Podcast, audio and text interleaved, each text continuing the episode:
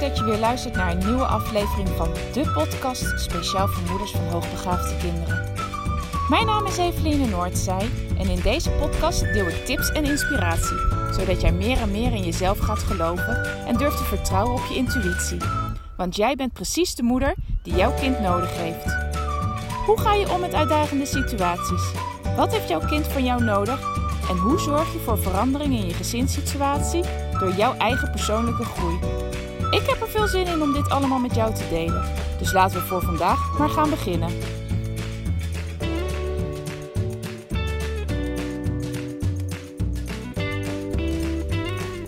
Ha, lieve luisteraar, leuk dat je er weer bij bent.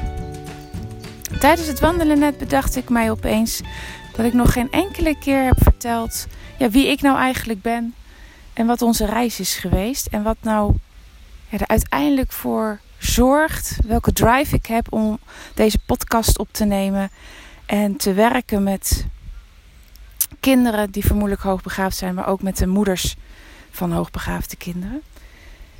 En ik vond het eigenlijk wel een mooi moment om dat eens uh, te gaan doen. Nou, als je al uh, wat meer van mijn podcast hebt geluisterd, dan hoor je zo af en toe wel dat ik iets laat vallen over onze gezinssituatie.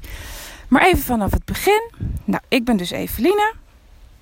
Ik ben uh, orthopedagoog. Ik heb uh, na mijn HAVO ben ik uh, eh, SPH gaan studeren, de Sociaal-Pedagogische Hulpverlening. En nu terugkijkend is dat zo'n goede, stevige basis geweest voor waar ik nu sta. Want ik was nog vrij jong. Ik was nog 16 toen ik met de opleiding begon. En ik werd in die maand wel 17. En ik was dus 21 toen ik van, uh, van de SPH afkwam. Maar in die vier jaar heb ik ontzettend veel over mezelf geleerd. En als we het hebben over welke stevige basis is daar gelegd, dan heb ik het eigenlijk helemaal niet over alle theorieën. Uh, en vaardigheden die ik me meegekregen, maar vooral het leren reflecteren op mezelf. Het kijken naar mezelf. Wat doe ik? Waarvoor doe ik het? Wat is de uitkomst en wat had er anders gekund? En dat is ja, die stevige basis die ik in die SPH-periode echt heb meegekregen. En dat is zo belangrijk in het werk wat ik nu doe, maar ook in mijn thuissituatie. Dat ik daar mega dankbaar voor ben dat ik ja, dat ik toen gekozen heb voor de SPH. Ehm, en waarom ik daarvoor koos in eerste instantie als 16-jarige was omdat ik heel graag met kinderen wilde werken. Hoe en wat wist ik verder rest niet, maar ik wilde met kinderen werken. En ja, die, deze opleiding bood mij die mogelijkheid. En gaandeweg de jaren uh,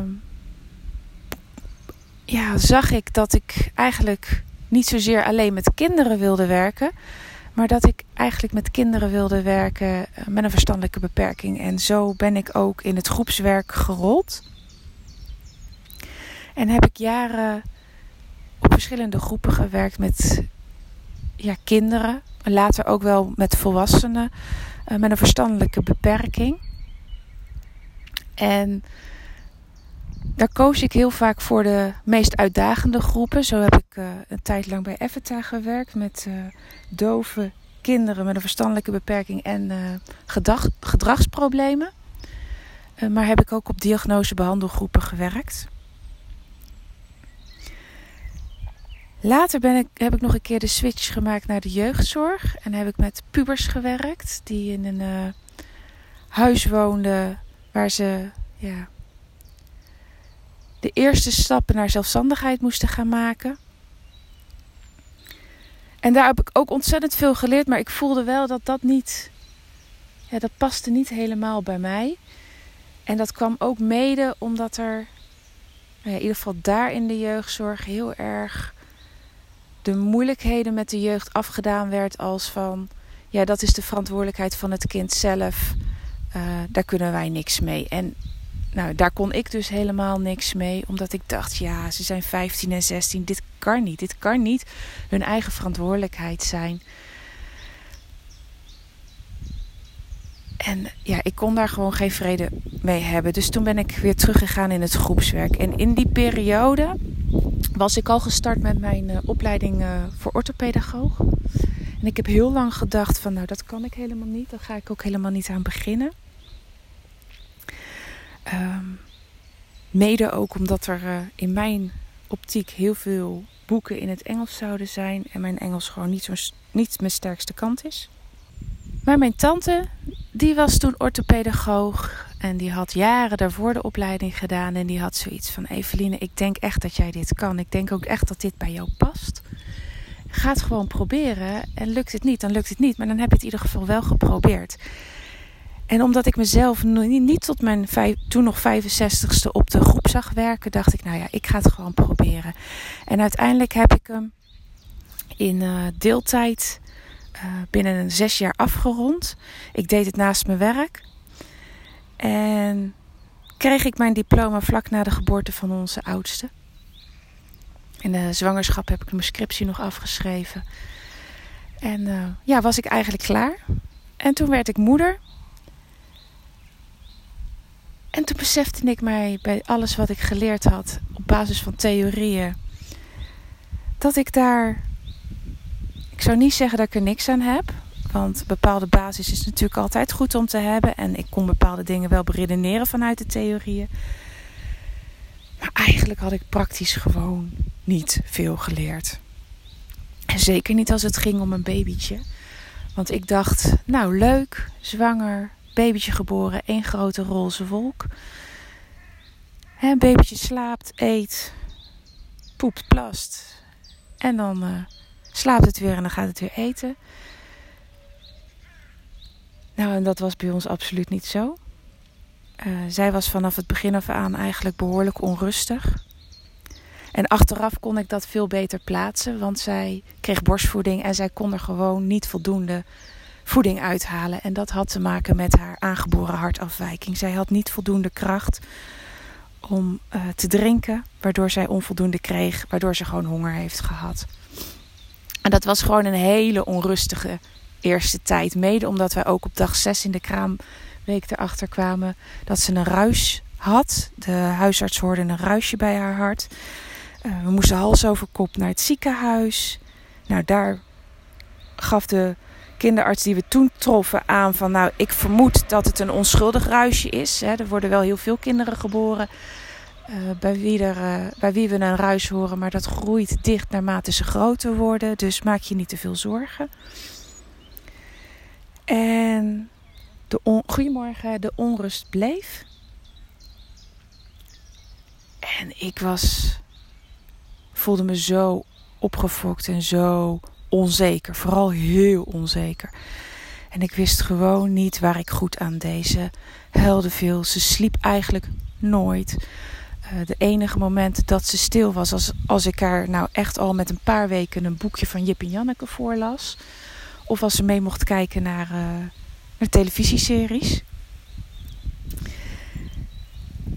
En ja, op het moment dat mijn man om zes uur thuis kwam uh, en hij haar overnam, ja, dan viel ze als een blok in slaap. Dus hij begreep ook niet wat er nou zo pittig aan was. En ja, dat, ik kan het alleen maar terugkijken als mega onrust. En met zes weken kwamen we weer bij het consultatiebureau. En de arts daar zei van ja, dat ruisje, dit klinkt gewoon echt niet onschuldig. Ga uh, alsjeblieft terug naar een kinderarts. En uh, in het Amphia kwamen we gelukkig bij een hele goede kinderarts. Die in het Sophia uh, kinderziekenhuis ook wel ja, goed was opgeleid. Specifiek op hartproblematiek. En ja, die hoorde inderdaad ook gelijk dat dit niet een onschuldig ruisje was wat dicht ging. Maar had wel de hoop dat als zij zou gaan groeien, en dat kon alleen maar door vochtafdrijvende medicatie haar te geven. Want ja, door de vocht die zij vasthield, uh, wat haar heel veel energie kostte, was alle voeding die ze binnenkreeg, ging daar naartoe. En um, ja, toen kreeg ze dus medicatie. Ben ik uiteindelijk ook gestopt met veel pijn in mijn hart met het geven van borstvoeding. Maar ik mocht gewoon niet meer verder van de kinderarts, omdat zij niet voldoende voeding daaruit kon halen. En ik moest echt over op, uh, op flessen. Nou, er mocht wel gekolfd zijn, maar ja, zij huilde de hele dag. Ik liep met de hele dag met haar rond en ik dacht, hoe, hoe in vredesnaam moet ik dan ook nog kolven? En ik kolfde sowieso niet voldoende. Dus we zijn overgestapt op uh, flesvoeding. Maar dat gaf zo'n gevoel van falen bij mij. En nou, in die periode zijn we ook in het Sofia Kinderziekenhuis terechtgekomen. En die zeiden eigenlijk vrij vlot van ja, dit is een zo'n danigere um, gat tussen haar hartkamers. Die gaat nooit vanzelf dichtgroeien, dus ze zal geopereerd moeten worden. Um, en uiteindelijk is zij met vijf maanden geopereerd. Heeft ze een open hartoperatie ondergaan. En um, moet ik zeggen, dat was ook echt. En daar ben ik dan ook weer dankbaar voor. Dat was de enige operatie die ze heeft moeten ondergaan. En um, is zij gewoon genezen? Is haar hart helemaal weer in orde gekomen? En werd ze daarna ook wel een stuk rustiger. Maar het is um, altijd wel een uh, intensief meisje geweest toen ze zo klein was. En al vrij vlot raakte ik weer zwanger van onze tweede. En hij werd geboren en vanaf dag 1 was hij ook mega onrustig. Ik had echt gedacht, nou nu weet ik het. Hè? De eerste hebben we meegemaakt. Ik weet nu bij de tweede veel beter wat me te wachten staat. Dit kan ik. En uh, tuurlijk kon ik het. Hè? Ik ben het doorgekomen. Maar uh, ook weer niet die roze wolk. Zelfs de kraamverzorgster in die, uh, in die week, een wat oudere vrouw, zei: Ik heb nog nooit meegemaakt dat een babytje al in die kraamwijk zo mega onrustig is. Um, en dat is ook een zoektocht geweest. Hij huilde, nou net niet 24/7, maar wel uh, zo goed als. Hij sliep ook heel weinig en als hij sliep waren het hazenslaapjes. En gaandeweg dacht ik van ja, dit, dit kan niet zo zijn dat hij gewoon zo is. Dit moet ook gewoon iets onder liggen. En um, ben, zijn we met voeding gaan uh, experimenteren en bleek hij uh, ook een koemelkallergie te hebben. Uh, maar daar kwamen we pas eigenlijk best wel laat achter toen hij ook al gewone voeding mocht gaan krijgen. En ook bleek dat hij op bepaalde dingen zoals appel gewoon heel heftig reageerde. Dus hij is heel lang ook onrustig geweest. En natuurlijk kwam dat en die onrust bij de kinderen zat natuurlijk echt niet alleen maar in hè, of onvoldoende eten krijgen of het verkeerde eten uh, in het geval van onze zoon krijgen. Heeft ook alles te maken gehad met meer, al meer willen dan ze konden. En dat werd ook beter naarmate ze konden gaan lopen, meer konden praten, dingen duidelijk konden maken.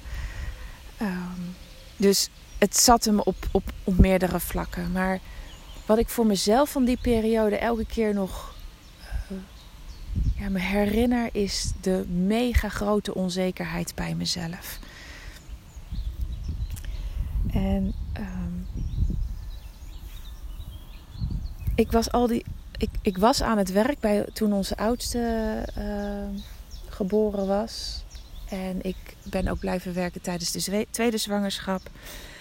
Uh, maar nadat onze tweede was geboren, heb ik besloten om een tijd thuis te zijn. En was ik dus gewoon een moeder die uh, voor de kinderen zorgde. En daarnaast niks had. En dat heb ik heel lang heel prettig gevonden. Um, mede ook omdat ik heel sterk de, nou ja, niet de neiging had. Ik deed het ook gewoon. Uh, ik deed alles. Uh, anderen wilde ik eigenlijk niet bij mijn kinderen toelaten, omdat ik het gevoel had, de overtuiging had: ik moet dit kunnen. Uh, op het moment dat ik het uit handen geef, ja, dan faal ik. Dus ja, ik liet ook weinig hulp toe.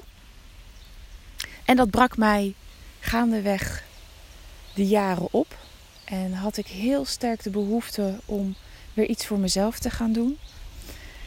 Maar ik wist ook, ik wil niet meer in loondienst. Dus ik ben mijn eigen praktijk begonnen als orthopedagoog. En ik ben in eerste instantie eigenlijk alle ouders en alle problematieken gaan begeleiden. Zo ben ik ook natuurlijk opge, opgeleid. Dat ik uh, van alles wel iets wist. En toen kon, nou ja, toen kon de, de oudste naar school. Was ik zwanger inmiddels van de derde. Dat heeft echt wel even geduurd voordat ik die beslissing durfde te nemen. Maar ik voelde heel erg dat ons gezin niet compleet was. En dat de beslissing op ratio om het bij twee te houden uh, ja, zo inging tegen mijn gevoel. Dus toen toch besloten dat we heel graag uh, een, tweede, een tweede, een derde kindje wilden krijgen. En ik was aan het werk in mijn praktijk en de oudste ging naar school. En vanaf het moment dat zij naar school ging, of tenminste tijdens het kiezen van een school al voelde ik heel sterk van zij is niet een doorsnee kind. Zij heeft niet genoeg aan een reguliere school. Dus kozen we al een school nog wel bij ons in de buurt, maar die net even iets meer bood. Tenminste, dat, dat hoopten we, dat vermoeden hadden we. Dat bleek uiteindelijk in de praktijk uh, niet zo te zijn. Of in ieder geval veel minder dan wat ik uh, had gedacht. En uh, ja, zagen wij een mega omslag in haar manier van zijn. Zij was van dat vrolijke, relatief onbezorgde meisje die heel open en spontaan was. Ja, zagen wij een meisje wat veel minder gelukkig was. En ja, daar begonnen de gesprekken met school. Want zij gaf aan van ja, maar mama, ik wil uit, boekjes leren. En toen wij dat aangaven op school, zeiden ze ja, nee, maar bij ons, uh, de kleuterklas is echt nog spelen. En ja, die boekjes, dat komt later wel. Laat ze nou maar kleuter zijn.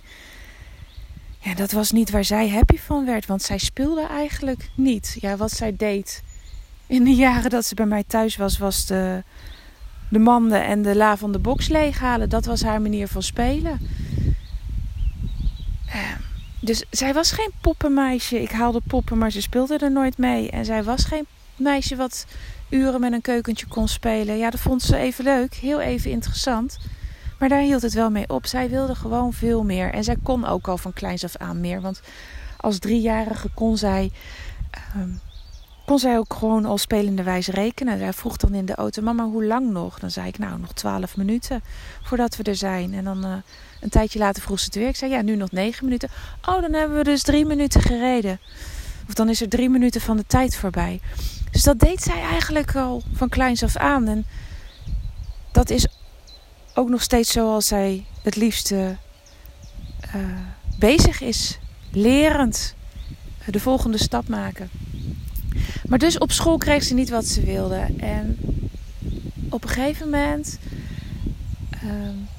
uh, voelde ik daar ook weer heel veel onzekerheid in. Van ja, maar ben ik dan zo'n slechte moeder? Vraag ik dan zoveel van, van haar? Overvraag ik haar? Ik begon heel wederom weer zo ontzettend aan mezelf te twijfelen. En um, tot ik op een gegeven moment, en ik was hoogzwanger, wij hadden een uh, uitvaart van mensen die in mijn ogen mega geleefd hadden en de lol van het leven had ingezien. En de lol had ik eigenlijk niet zo heel veel in mijn leven. Uh, mede door de problemen die ik al die jaren had gehad, maar ook door de, de enorme twijfel als, als moeder. En toen heb ik me voorgenomen om te gaan handelen vanuit wat mijn kinderen nodig hadden. En de twijfel achter mij te laten en ook gewoon te gaan leven vanuit wat ik denk dat er nodig was voor mijn gezin en voor mijn kinderen. En dat heeft ook gemaakt dat we de stap hebben genomen om haar in eerste instantie didactisch te laten doortoetsen. En daar bleek zij een mega voorsprong in te hebben. En toen voor de school dat niet voldoende bleek te zijn, hebben we een jaar later hebben wij haar uh, uh, uiteindelijk, ook al was ik daar altijd heel erg op tegen, uh, een intelligentieonderzoek laten afnemen. En dat hebben we ook gelijk, gedaan bij, uh, bij onze zoon, die inmiddels ook op school zat. En daarin werden wij bevestigd wat wij eigenlijk al wel wisten: is dat zij gewoon op een hoogbegaafd niveau, en onze zoon trouwens ook op een hoogbegaafd niveau functioneren. En dat ze iets heel anders nodig had dan wat de school uh, ja, bood. En dat was zo'n mega opluchting. En zo bevestiging dat ik het als moeder gewoon altijd goed had gezien. En waarom ik, even een stapje terug, waarom ik eigenlijk altijd op tegen was om haar uh, en, en onze zoon ook te laten onderzoeken, was omdat ik vond en vind, en dat is raar omdat ik zelf natuurlijk nu de intelligentieonderzoeken afneem, maar ik vind eigenlijk nog steeds dat je, als je als leerkracht goed kan observeren, dat je goed moet kunnen inschatten ehm, wat een kind nodig heeft. En ik zal niet zeggen dat leerkrachten dat niet kunnen, want ik denk dat ze dat heel vaak wel heel goed kunnen. Of tenminste, dat er goede leerkrachten tussen zitten die dat wel kunnen. Alleen ze, of ze durven er niet op te vertrouwen. Of ze weten het niet. Uh, ze weten het, maar ze weten niet hoe daarnaar te handelen. Of ze worden ontzettend beperkt in hun mogelijkheden binnen de school. En dat is zonde. En wij hebben het toen wel gedaan en daar gingen deuren voor ons open. En ik zag de meerwaarde van een onderzoek door een psycholoog of door een uh, orthopedagoog. Dat ik besloten heb. Mede ook omdat ik op een gegeven moment zoveel kennis daarvan had. En daar ook de, steeds meer deze kinderen aantrok. Waarbij het vermoeden was dat ze op hoogbegaafd niveau functioneerden.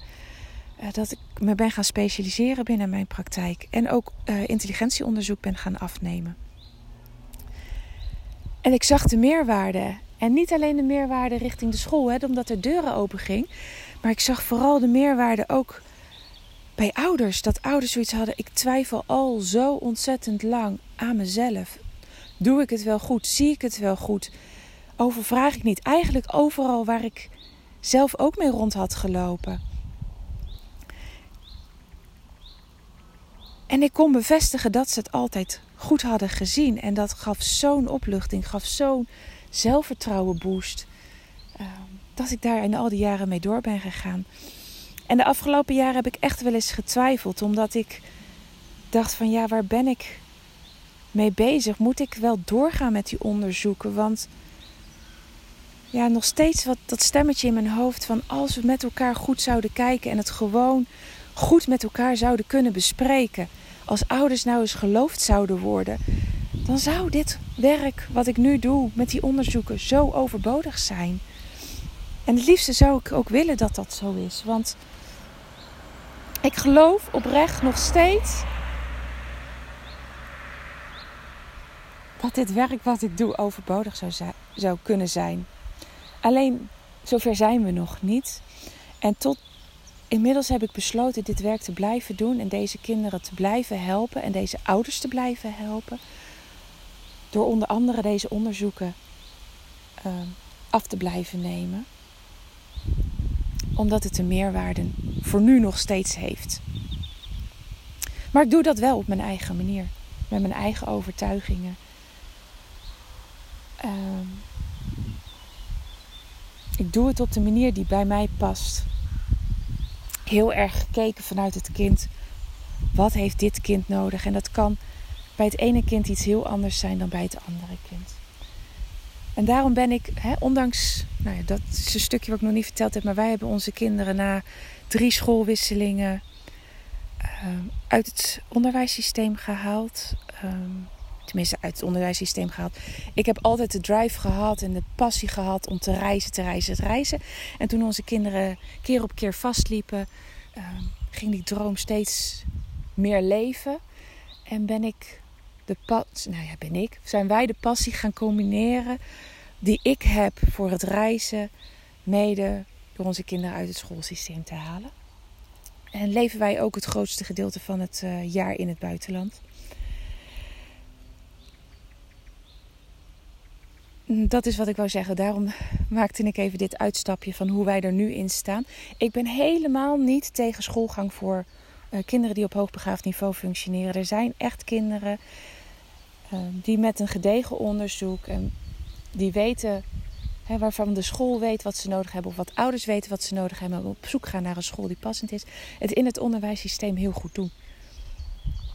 Maar ik zie ook kinderen die het in het onderwijssysteem helemaal niet goed doen. En daar waren onze kinderen er een, uh, nou, toen de tijd een drietal van. Dus ik ben niet per definitie tegen eh, je kind naar school laten gaan.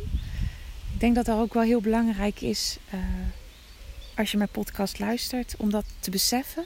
Dit is de manier wat, die, ja, die bij ons past. Maar is helemaal niet de manier die bij ieder kind past of bij iedere ouder past. En dat is ook helemaal niet nodig, want er zijn voldoende scholen die wel voldoende kunnen aansluiten. Bij kinderen die op hoogbegaafd niveau functioneren. En ook dat hoeft niet altijd een speciale HB-school te zijn. Ik zie ook genoeg kinderen die in, in, op een reguliere school met veel aandacht voor deze kinderen goed uit de verf kunnen komen. En dat maakt ook dat ik uh, die onderzoeken nu dus nog steeds doe, maar wel heel erg kijkt van oké, wat heeft dit kind nodig? Hoe staan deze ouders erin? Hè, willen ze een overstap maken naar een school? Ik denk mee in wat, wat het kind nodig heeft. En dat vind ik heel erg belangrijk. Elke keer weer vanuit wat heeft dit kind nodig. Maar gaandeweg de jaren hebben wij natuurlijk in onze opvoeding ook mega gestruggeld. Mede ook omdat onze kinderen kinderen zijn die vanuit hun gedrag heel duidelijk laten zien dat het niet oké is wat ze krijgen. Uh, heel veel boosheid hebben, hebben wij gehad. Extreme woedeaanvallen. Uh, tot depressieve kinderen die echt niet in staat waren om naar school te gaan. Die daardoor ook, hè, doordat ze niet kregen op school wat ze nodig hadden op cognitief vlak, emotioneel onderuit gingen. Maar daardoor het sociaal ook niet meer, uh, ja, niet meer de aansluiting konden vinden. Ook niet met andere hoogbegaafde kinderen en zich heel eenzaam hebben gevoeld. Maar ik ben in die periode altijd naar mezelf blijven kijken. En dat ja, is echt mijn kracht geweest. Um, dat is wat ik dus vanuit die SPH-opleiding heb meegekregen. Oké, wat doe ik nu? Wat werkt er wel, wat werkt er niet? En wat kan ik anders doen? En dat, hè, nogmaals, dat is echt mijn kracht geweest. Maar dus ook mijn valkuil geweest. Omdat ik het te veel heel vaak bij mezelf heb gezocht. En daardoor anderen ook heel vaak heb, mij heb laten vertellen dat ik het niet goed genoeg deed als moeder zijnde. Dat ik uh, ja, de keuzes die ik maakte om vanuit een andere manier ze op te voeden. Ja, dat was niet oké. of dat, dat werkte toch niet. En hoe kon ik nou bedenken uh, dat ik ze met die vrije opvoeding uh, een goede stabiele basis kon geven. Maar ook vanuit leerkrachten heb ik met regelmaat uh, te horen gekregen dat ik als moeder echt een hele bijzondere manier van opvoeden had. En ehm, dat dat nooit goed genoeg voor ze kon. Ja, dat dat nooit goed, goed genoeg. Ja, niet goed genoeg, maar nooit goed zou kunnen zijn voor die kinderen. Omdat ik ze veel meer. Ja, ik, ik behandel ze veel meer vanuit de basis van wat heb jij nodig? En vanuit gelijkwaardigheid. Niet dat ze naar mij gelijken waren, want ik ben nog steeds altijd hun moeder. Uh, ik ben de opvoeder. Uh, maar wel vanuit uh, gelijkwaardigheid. Wij zijn gelijk. Dus op het moment dat ik een keer mijn stem verhef of als ik een keer onredelijk boos ben geweest, ja, ben ik degene die de eerste is die zegt van joh, sorry, dat had ik echt niet moeten doen. Dat ligt bij mij, dat zegt helemaal niks over jou. En ja, er waren gewoon mensen in mijn omgeving die dat niet konden begrijpen. En mij die, die mij daarop veroordeelden. En dat maakte mij heel onzeker. Maar na al die jaren zien dat mijn eigen weg volgen en uh, aansluiten bij waar, ik, waar, waar mijn behoefte ligt als opvoeder, maar ook waar de behoefte van het kind ligt, uh, ja, heeft mij inmiddels zoveel ver gebracht dat ik zie dat mijn kinderen heel stabiel in het leven staan. Dat zij steeds meer gaan doen wat bij hem past. Dat ze steeds meer zelfvertrouwen krijgen. Dat ik inmiddels weet dat dit de weg is uh, die ik moet bewandelen met ze. Maar waar ook steeds meer de drive komt nu ik dat besef, om dat ook aan andere ouders te leren. Want jij hebt als ouder alles in je. En je bent er misschien nog niet van bewust, maar alles in jou om de moeder te kunnen zijn. En ik spits me eigenlijk toe op moeders, omdat ik daarmee bij het meeste merk dat zij die mega onzekerheid hebben. Maar jij hebt alles in huis om de moeder te zijn die jouw kind nodig heeft. En daar geloof ik echt heel sterk in. Jij bent de moeder die jouw kind nodig heeft. En jouw kind heeft niks aan mij als, als, als dat ik de moeder zou zijn, omdat ik de anders ben. Maar jij bent wel die moeder. En jij, als jij kan leren vertrouwen op jouw eigen kracht. En durft te vertrouwen op jouw eigen intuïtie. Hè, dat je je zelfvertrouwen laat groeien. Ja, dan ben jij zo krachtig als moeder. En dan kan jij precies geven aan jouw kind wat het nodig heeft. En het zit in jou, hè? Dat, daar ben ik gewoon zo mega van overtuigd. Alleen het komt er nog niet altijd uit, omdat jij het nog niet altijd kan zien. En daar, ja, dat wil ik zo ontzettend graag jou gaan meegeven. En op het moment dat je dat kan gaan voelen en dat kan, ja, vanuit daar kan gaan leven en kan gaan opvoeden, heb jij het ook niet meer nodig. Ja, dat een ander jou gaat vertellen hoe je het moet doen. En dat is wat ik in de afgelopen jaren in mijn praktijk heel vaak ben tegengekomen. Dat ouders van mij wilden horen hoe zij hun kind moesten gaan opvoeden. En waarin ik ook elke keer weer ervaarde dat dat niet werkte. Omdat uh, wat voor mij werkt en wat voor mijn kinderen geldt, daar zit wel een, een bepaalde basis in die ik je mee kan geven. Maar één op één overbrengen en dat jij hetzelfde gaat doen, wat, dat precies hetzelfde gaat doen wat ik doe, nee, dat gaat niet werken. Jij moet authentiek zijn. Jij moet jezelf vinden. Nou, en die drive heb ik al heel lang om daar iets mee te gaan doen. Om ouders daarin in mee te nemen. En hoe doe je dat dan?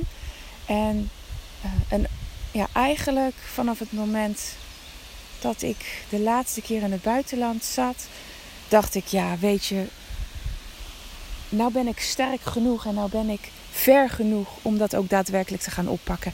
En dat is ook het moment geweest dat ik zei van, dit wil ik doen. Die podcast wil ik gaan beginnen omdat ik denk dat ik heel veel waarde kan geven al in een podcast. Zodat jij steviger in je schoenen kan gaan staan. Uh, ben ik uh, Enjoy Mama gaan opstarten. Hè? De, de uh, coachingsdag, de hele dag coaching uh, in mijn praktijk. Om je zo sterk te gaan ja, laten voelen dat jij dat ook kan. Dus dat is een mogelijkheid. Ik wilde coaching. Ja, dat deed ik al wel, maar ik noemde dat altijd ouderbegeleiding. Maar ik wil het nu veel meer coaching gaan noemen. Uh, die één op één coaching weer veel meer gaan oppakken. Ehm, ook mede om jou eh, weer in je kracht te zetten. Omdat ik echt voel dat dit de weg is. Het niet de weg van uh, mijn kind heeft een probleem, dus laten wij eens kijken welke stoornis het heeft. Um, en prima als jij daar wel hè, in gelooft. Dit, dit, is niet mijn waarheid. Als ik mijn kinderen bij een psycholoog had neergezet die heel erg stoornisgericht was geweest, dan hadden we denk ik bijna elk etiket de afgelopen jaren al op kunnen zetten van ehm, ODD, hè, dat is een obsessieve uh, stoornis. Nee, niet een obsessieve stoornis, maar een, een gedragsstoornis. Um, maar ook naar ADHD, autisme, hecht, ze hadden elk labeltje kunnen krijgen. Dus ik, en dat is mijn waarheid, ik geloof daar niet in. Um, ik geloof veel meer in dat dat het gedrag wat het kind laat zien signalen zijn voor jou als, als ouder om verandering door te gaan voeren. En ik geloof er heel erg in dat de kracht zit in dat jij het anders kan gaan doen. En dat op het moment dat jij het anders gaat doen, dat je ook de gedragingen uh, zullen gaan verminderen. Uh, en zelfs zullen gaan verdwijnen. Als er nou één stoornis is waar ik uh, bijvoorbeeld bij mijn dochter echt toen ze peuter was, uh, op had kunnen plakken, was het ADHD. Of tenminste ADD. Nee, echt wel ADHD. Ze was ook gewoon echt heel druk. En als ik nu naar de kijk, denk ik: nee, dat zal echt niemand haar meer geven hoe rustig ze is. Zij kan uren lezen, maar ze kan ook uren rustig uh, creatief bezig zijn. Gisteren pakte ze de naaimachine. Maakt ze van alle, allerlei dingen. Van uh, tasjes tot boekenleggers. En dat kan ze uren volhouden. Dus ik geloof niet in die stoornissen. Nogmaals, als dat wel is waar jij in gelooft, prima. Uh, maar dat is niet mijn waarheid. En uh, er zijn vele wegen naar Rome. En ik denk dat de weg voor ouders ligt in, in zelfreflectie. Aan het werk met jezelf. Weten waar jouw krachten liggen. Begrijpen wat jouw kind met zijn gedrag wil zeggen. En vanuit daar stappen gaan zetten. Mij heeft het in ieder geval heel veel opgeleverd om die weg op uh, te doorlopen. Inmiddels hebben we vier kinderen. En zijn ze uh, op het moment dat ik deze podcast opneem 12, 11, 7 en 4. En ben ik ja, vooral heel erg blij met hoe wij ons gezin runnen. En ben ik ook heel erg blij met het vertrouwen wat ik in mezelf heb. Ik sta zoveel krachtiger in mijn schoenen. Heb veel, meer, veel minder momenten dat ik twijfel aan mezelf. En dat is omdat ik echt geleerd heb mijn eigen weg te volgen, mijn eigen hart te volgen en daarop te leren vertrouwen. Een hele lange podcast. Toen ik begon met podcast opnemen had ik niet verwacht dat ik dit zou kunnen. Maar ik kan het dus blijkbaar wel. Weer een overwinning. Ik kan gewoon ruim 36 minuten vol kletsen. Uh, en ik ga het hier ook bij laten. Mocht je het tot het einde vol heb hebben gehouden, dank daarvoor. Super uh, fijn dat je de moeite neemt om uh, hier naar te luisteren. En ik hoop ook echt dat je er voor jezelf uit kan halen uit de podcast. Uh, wat voor jou goed is. Hè? Um, haal de waarde eruit die voor jou op dit moment belangrijk is en ga daarmee aan de slag. Dit was in ieder geval mijn persoonlijke verhaal. Nogmaals dank dat je naar geluisterd hebt. En uh, wil je mij een vraag stellen? Of ben ik over iets helemaal niet duidelijk geweest? En wil je daar meer verduidelijking over hebben? Of duidelijkheid krijgen? Schroom niet om mij het even te laten weten. Hey, fijne dag.